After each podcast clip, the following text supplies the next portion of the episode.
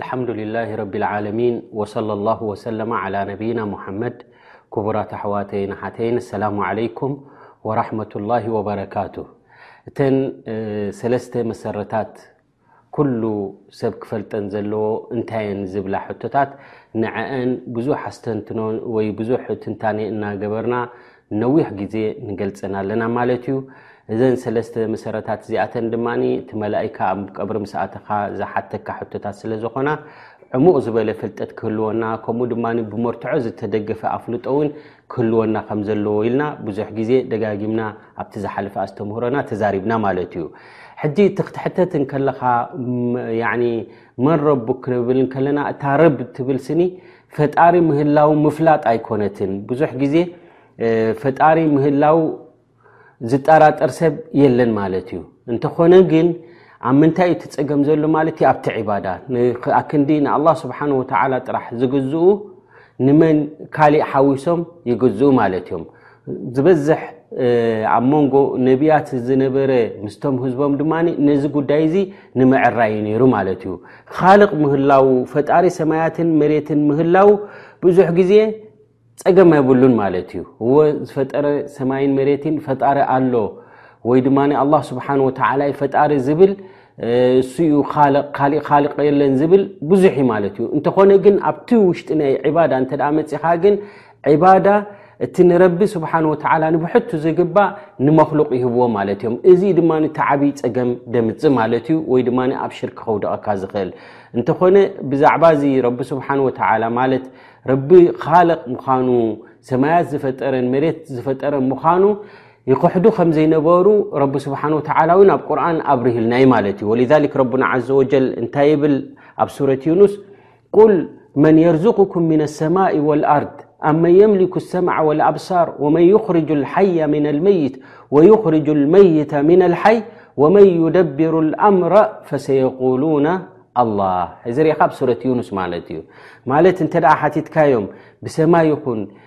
ብመሬት ይኹን ይኹን ርዝቅኹም ሽሻይኩም ዝዕድለኩም ስኒ መን እዩ ትርእሉን ትሰምዑሉን ትንቀሳቀሱሉን ኩሉ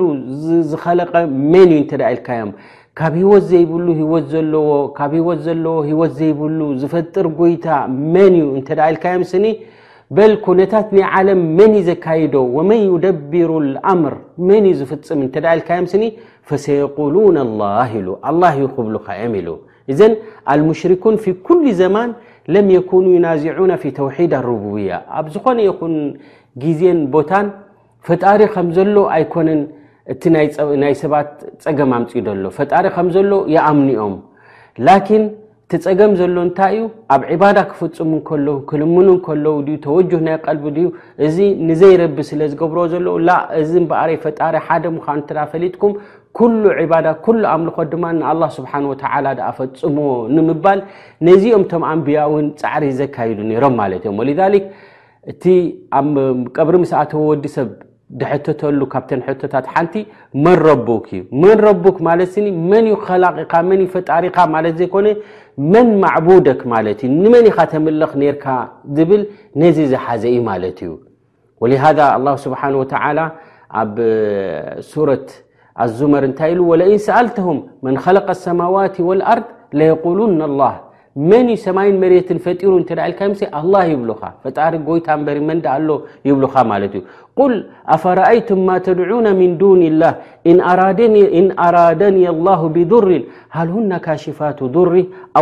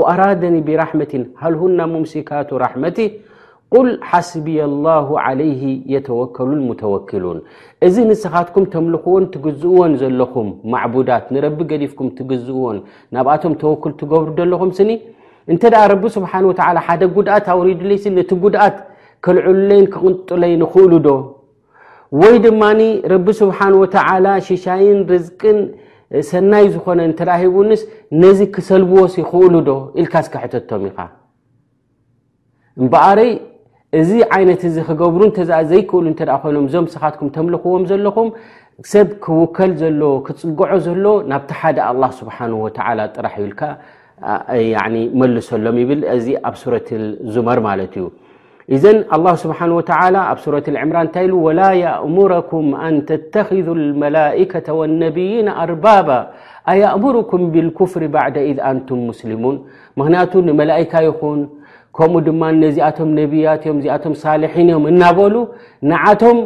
ናብ ረቢ ከቀራርቡና እዮም እናበሉ እዮም ዘምልኽዎም ነይሮም ማለት እዮም እዚ ጉዳይ እዚ ድማ ረቢ ስብሓን ወ እንታይ ኢሉ ላ የእምርኩም ወላ የእምርኩም ኣንተተኪዙ መላእከተ ወነብይና ኣርባባ ንመላእካ ይኹን ንኣንብያ ይኹን ማዕቡዳት ጌርኩም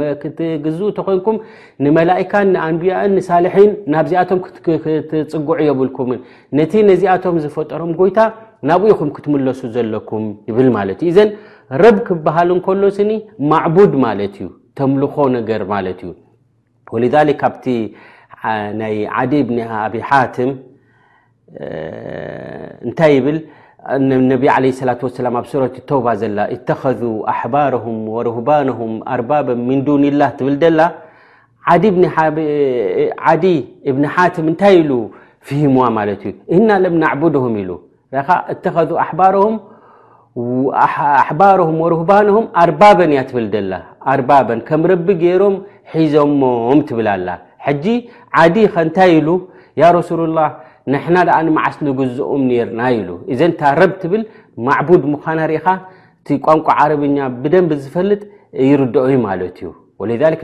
ንሕና እኮ ኣይተገዛእናዮምን ያ ረሱሉላህ ኢልዎም ፈነቢ ዓለ ሰላት ወሰላም በኣረይቲ መግዛእቲ ናታቶም በይኖምሉ እንታይ ኢሎሞ ኣለም ዩሕሉ ለኩም ኣልሓራም ፈኣሕለልትሙሁ ነቲ ሓራም ሓላል ምስ በልኹም ሕራይልኩም ሓሊልኩሞ ዶ ይሓለልኩሞን ኣለም ይሓርሙ ዓለይኩም ልሓላል ፈሓረምትሙሁ ነቲ ሓላል ድማ ሓራም ዩ ምስ በልኹም ሓራም ኢልኩም ድማ ሕራ ኢልኩም ተቐቢልኩሞም ዶ ኣይተቐበልኩሞምን ቃላ በላ እዎ እዚስ ንገብር ነርና ከም ድላዮም እዚ ሓራም እዩ እዚ ፍቀድ እዩ ዝበሉና በቲ ናታቶም ኢና ንኸይድ ነርና ምስ በለ ፈትልካ ዕባደትዎም ኢሎሞ እምበኣረ እዚ እቲ ዕባዳ ምክንያቱ ምሐላል ነዚ ሓላል እዩ ዝብለካ ነዚ ሓራም እዩ ዝብለካ ዝውስን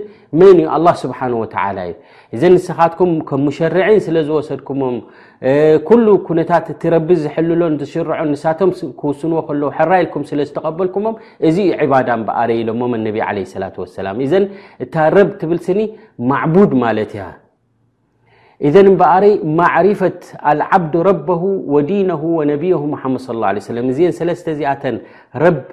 ናትካ ማዕቡድ ናትካ ከምኡ ድማ ዲን ከምኡ ድማ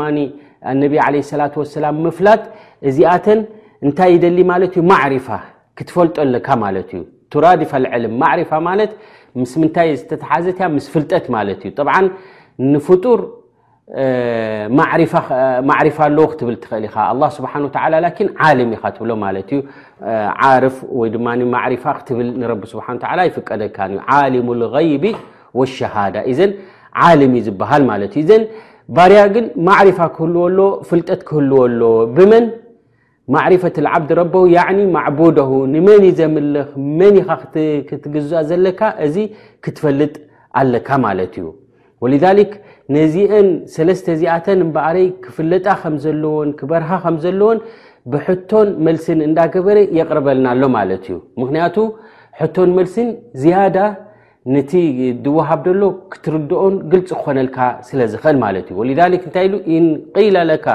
መን ረቡክ እንተ ተባሂልካ ስኒ ፈቁል ረቢ ላሁ ለذ ረባኒ ወረባ ጀሚ ዓለሚና ብኒዕመት መን እዩ ረቢኻ መን ዩ ፈጣሪኻ እተ ተባሂልካ ስኒ ረቢ ናተይ ኣላህ ይበል ኢኻ ንዓይ ይኹን ንምሉእ ዓለም በቲ ናቱ ሽሻይ በቲ ናቱ ልግሲ ንኹላትና ዝከናኸነናን ዝልግሰልናን ዝናብየልናን ዝኾነ ንሱ ሓደ ኣላህ ኢልካ መልስ ኢኻ ኢሉ ማለት እዩ እዘን ኣላሁ ስብሓን ወተዓላ ንሱ እዩ ርዓያ ዝገብረልና ያዕኒ ዝከናኸነልና ከምኡ ድማ ዝልግሰልና ረባሁ ማለት ኮ ወረባ ጀሚዓ ዓለሚን ንሱ ዝናብና ዝኾነ ብናቱ ሽሻይ ኩሉ ተኮስኪስናን ንምዕብል ዝኾና ኩሉ ነገራት ኩሉ ከር ዘበለ ካብኡ ምዃኑ ንሱ ዩ ጎይታና ዩ ንሱ ንኩሉ ነገራት ንኩሉ ዝህበናን ኢልካ በዚ ዓይነት እዚኻ ክትምልስ ዘለካ ማለት እዩ ስለዚ ኣላሁ ስብሓን ወተዓላ ንሱ ዩ ሽሻይና ዝዕድለና ንሱ ዩ ህይወት ዝህበና ኩሉ ነገር ዝገብረና ኣላ ስብሓን ወተላ እዩ ወ ፍርዖን ንሙሳ እንታይ ኢልዎም ፈመን ረብኩማ ያ ሙሳ ኢልዎም መን ይረብኹም ኢልዎም ኣነ ረቢ እንዲ ድብል ነይሩ ሙሳ ዓለ ሰላም ድማ ከምቲ ረቡና ዘ ወጀል ትበሎ እንታይ ንመሊሱ ቃል ረቡና ለذ ኣዕጣ ኩለ ሸይእን ኸልቀሁ ثመ ሃዳ እዚ ኣብ ሱረት ጣሃ ዘሎ ማለት እዩ ያኒ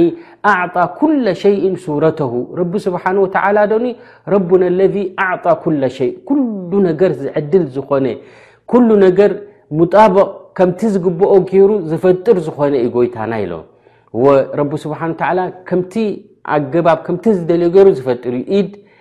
ንክትሕዝን ንክትወስድን ንክትሰርሕን እግሪ ንመጓዓዚ ከምኡ መልሓስ ንክትዛረበሉ ዓይኒ ንክትሪእሉ እዝኒ ንክትሰምዓሉ ዝኩሉ ዝገብር ዝኮነ ኣዕጣ ኩለ ሸይእን ከልቀሁ ثመ ሃዳ ከምኡ ድማ ኣላ ስብሓን ወተላ ንኩሉ ከምቲ ዝደለዮ ከምድጓዓዝ ገይርዎ ማለት እዩ እዘን ወኒዓሙ ላ ዓዘ ወጀል ዓላ ዕባድ ከራ ኒዕማ ናይ ረቢ ሽሻይ ናይ ረቢ ውህብቶ ናይ ረቢ ቆፂርካ ኣይትውድኦን ኢኻ ማለት እዩ ወ ረቡና ዘ ወጀል እንታይ ኢሉ ወእን ተዑዱ ኒዕመት ላ ላ ትሕሱሃ ኒዕማ ናይ ረቢስ ሓደ ክልተ ኢልካ ቆፂርካ ቆፂርካ ክትበፅሖ ኣይትኽእልኒ ኢኻ ትውድኦ ኣይትኽእልኒ ኢኻ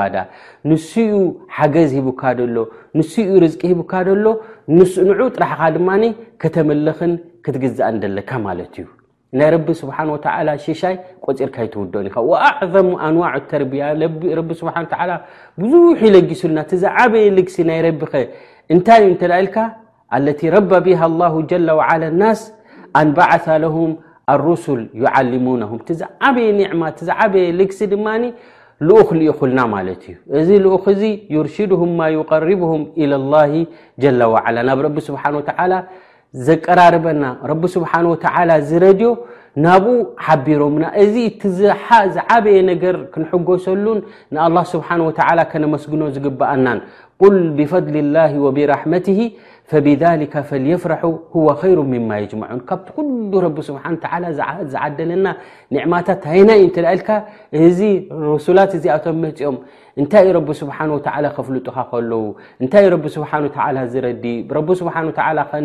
እንታይ እዩ ዘይፈትዎ ክሕብሩኻ ከለዉ እዚ ዓብዪ ኒዕማ እዩ ማለት እዩ እዚ ዓብዪ ልግሲ ናይ ረቢ ስብሓን ወተዓላ ዩ ማለት እዩ እዘን ተውሒድ ኣረቡብያ ክንብል ከለና ስኒ ብዋንነት ረቢ ያኒ እዕትቃድ ኣን ላሃ ጀላ ዋዓላ ሁወ ልካሊቁ ሃዘ ልከልቅ ዋሕደሁ ረቢ ስብሓን ወተዓላ ዩ ንኩሉ ነገራት ዝኸለቀ ማለት እዩ እዚ ዓይነት እዚ ክትኣምን ኣለካ ኣልኸልቁ ኸልቁ ኩሉ ፍጡር ፍጡር ናይ ረቢ እዩ ወልዓብዱ ዓቢዱ ኩሉ ድማ ባርያ ናይ ረቢ እዩ ወነዋሲና ብየድሂ ኩሉ ክእለትናን ዓቕምናን ድማ ኣብ ኢዱ እዩ ዘሎ ማለት እዩ ወህወ ረዛቁ ዋሕደሁ ንሱ እዩ ድማ ኩሉ ሽሻያት ዝዕድል ዝኾነ ማለት እዩ ወልዛሊክ ኩሉ ነገር ናቱ ስለ ዝኾነ ኩሉ ሽሻያድ ካብኡ ዝመፅእ ስለ ዝኾነ እቲ ምስጋና ድማ ብሙሉ ድማ ንመን እዩ ዝኸውን ንኣላ ስብሓን ወላ ወሊክ ረብና ዘ ወጀል ከመይ ኢልና ከነመስግኖ ከም ዘለና እውን ሓቢሩና ኣልሓምዱልላ ረቢ ዓለሚን ኢሉ እዚኣ እታ ዝዓበየት ማስረጂ ወይ ድማ መርትዖ ኣቀሚጥዋ ማለት እዩ እቲ ነዚ ክታብ እዚ ዝኣለፈ እንታይ ይብል ማለት እዩ ረቢ ስብሓን ወተዓላ ሽሻይና ዝልግሰልና ኩሉ ነገር ዝዕድለና ኩላትና ባሮት ኢና ክእለት የብልና ብናቱ ልግሲ ኢና ንጓዓዝ ዘለና ስለዚ ኣልሓምዱ ልላህ ኩሉ ሓምድ ማለት ኩሉ ምስጋና ኩሉ ሰናእ ውዳሴ ኩሉ ብምልኡ ንመን እዩ ዝግባእ እንተ ኢልካ ያኒ ሙስተሕቀን ልላሂ ጀለዋዓላ ንረቢ ስብሓን ወተዓላ ጥራሕ እዩ ዝግባእ ማለት እዩ ረብዓለሚን ክንብል ከለና ዋና ናይ ዓለማት ማለት እዩ ዓለም ክንብል ከለና ኣልዓለሚን ማለት ጀምዑ ዓለም ማለት እዩ ወልዓለም እስሙ ኣጅናስ ናይ ሓባር ሽም እዩ ዓለም ዝበሃል ማለት እዩ ሕጂ ኩሉ ዓለም ሕጂ ዓለም ልእንስ ንብል ዓለም ልጅኒ ንብል ዓለም ልእንሳን ንብል ማለት ናይ ኣትክልቲ ዓለም ንበይኑ እዩ ናይ ኣጋነንቲ ዓለም ንበይኑ እዩ ናይ ደቂ ሰባት ዓለም ንበይኑ ናይ መላእካ ዓለም ንበይኑ እዩ እዚ ኩሉ እንታይ እዩ ናይ ሓፈሻዊ መፀውዒ እዩ ማለት እዩ እዘን ረቢ ስብሓን ወተዓላ ድማ ናይ ኩሉ ነገር ኩሉ ነገር እዚ ፍጡራት እዚ ድማ እንታይ ዝሕብር እንተ ኢልካ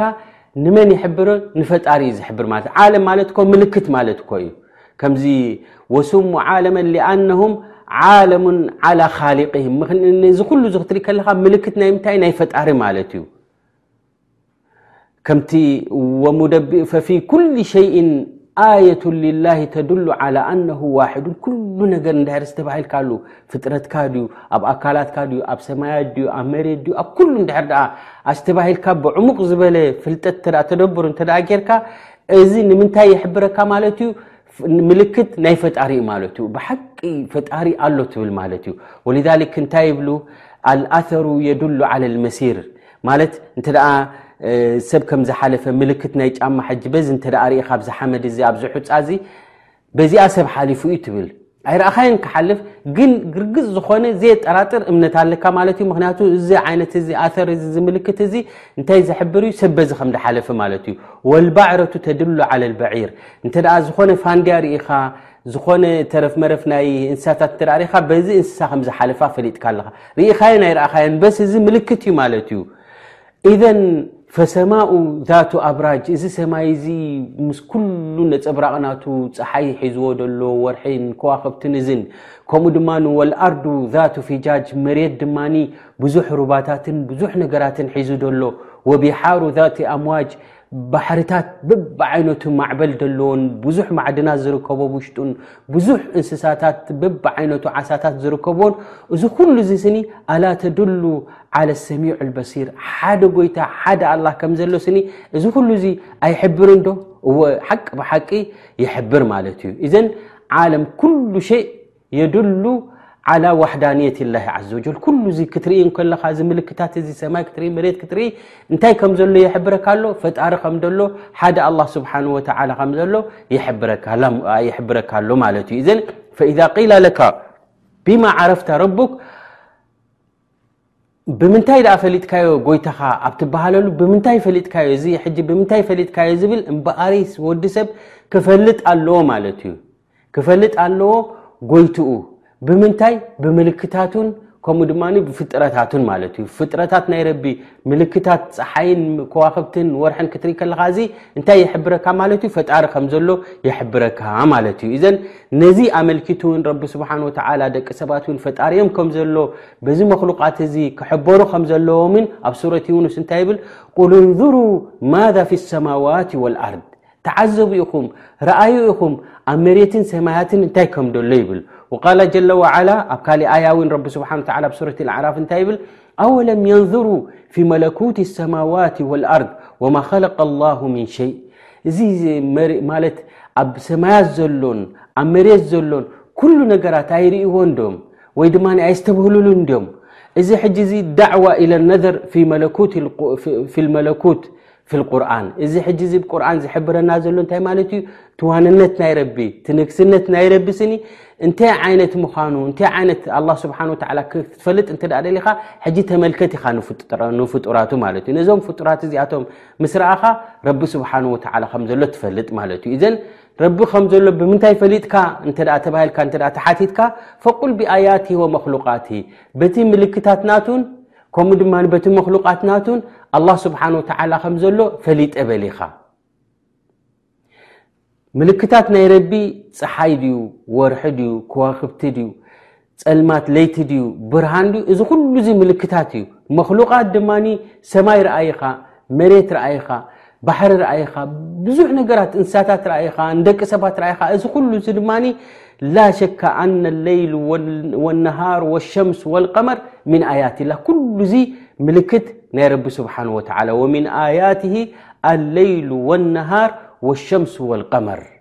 እዚ ምልክት ናይ ሓደ ኣላ ስብሓን ወተዓላ ዝሕብር እዩ ማለት እዩ ኣላ ስብሓን ወተዓላ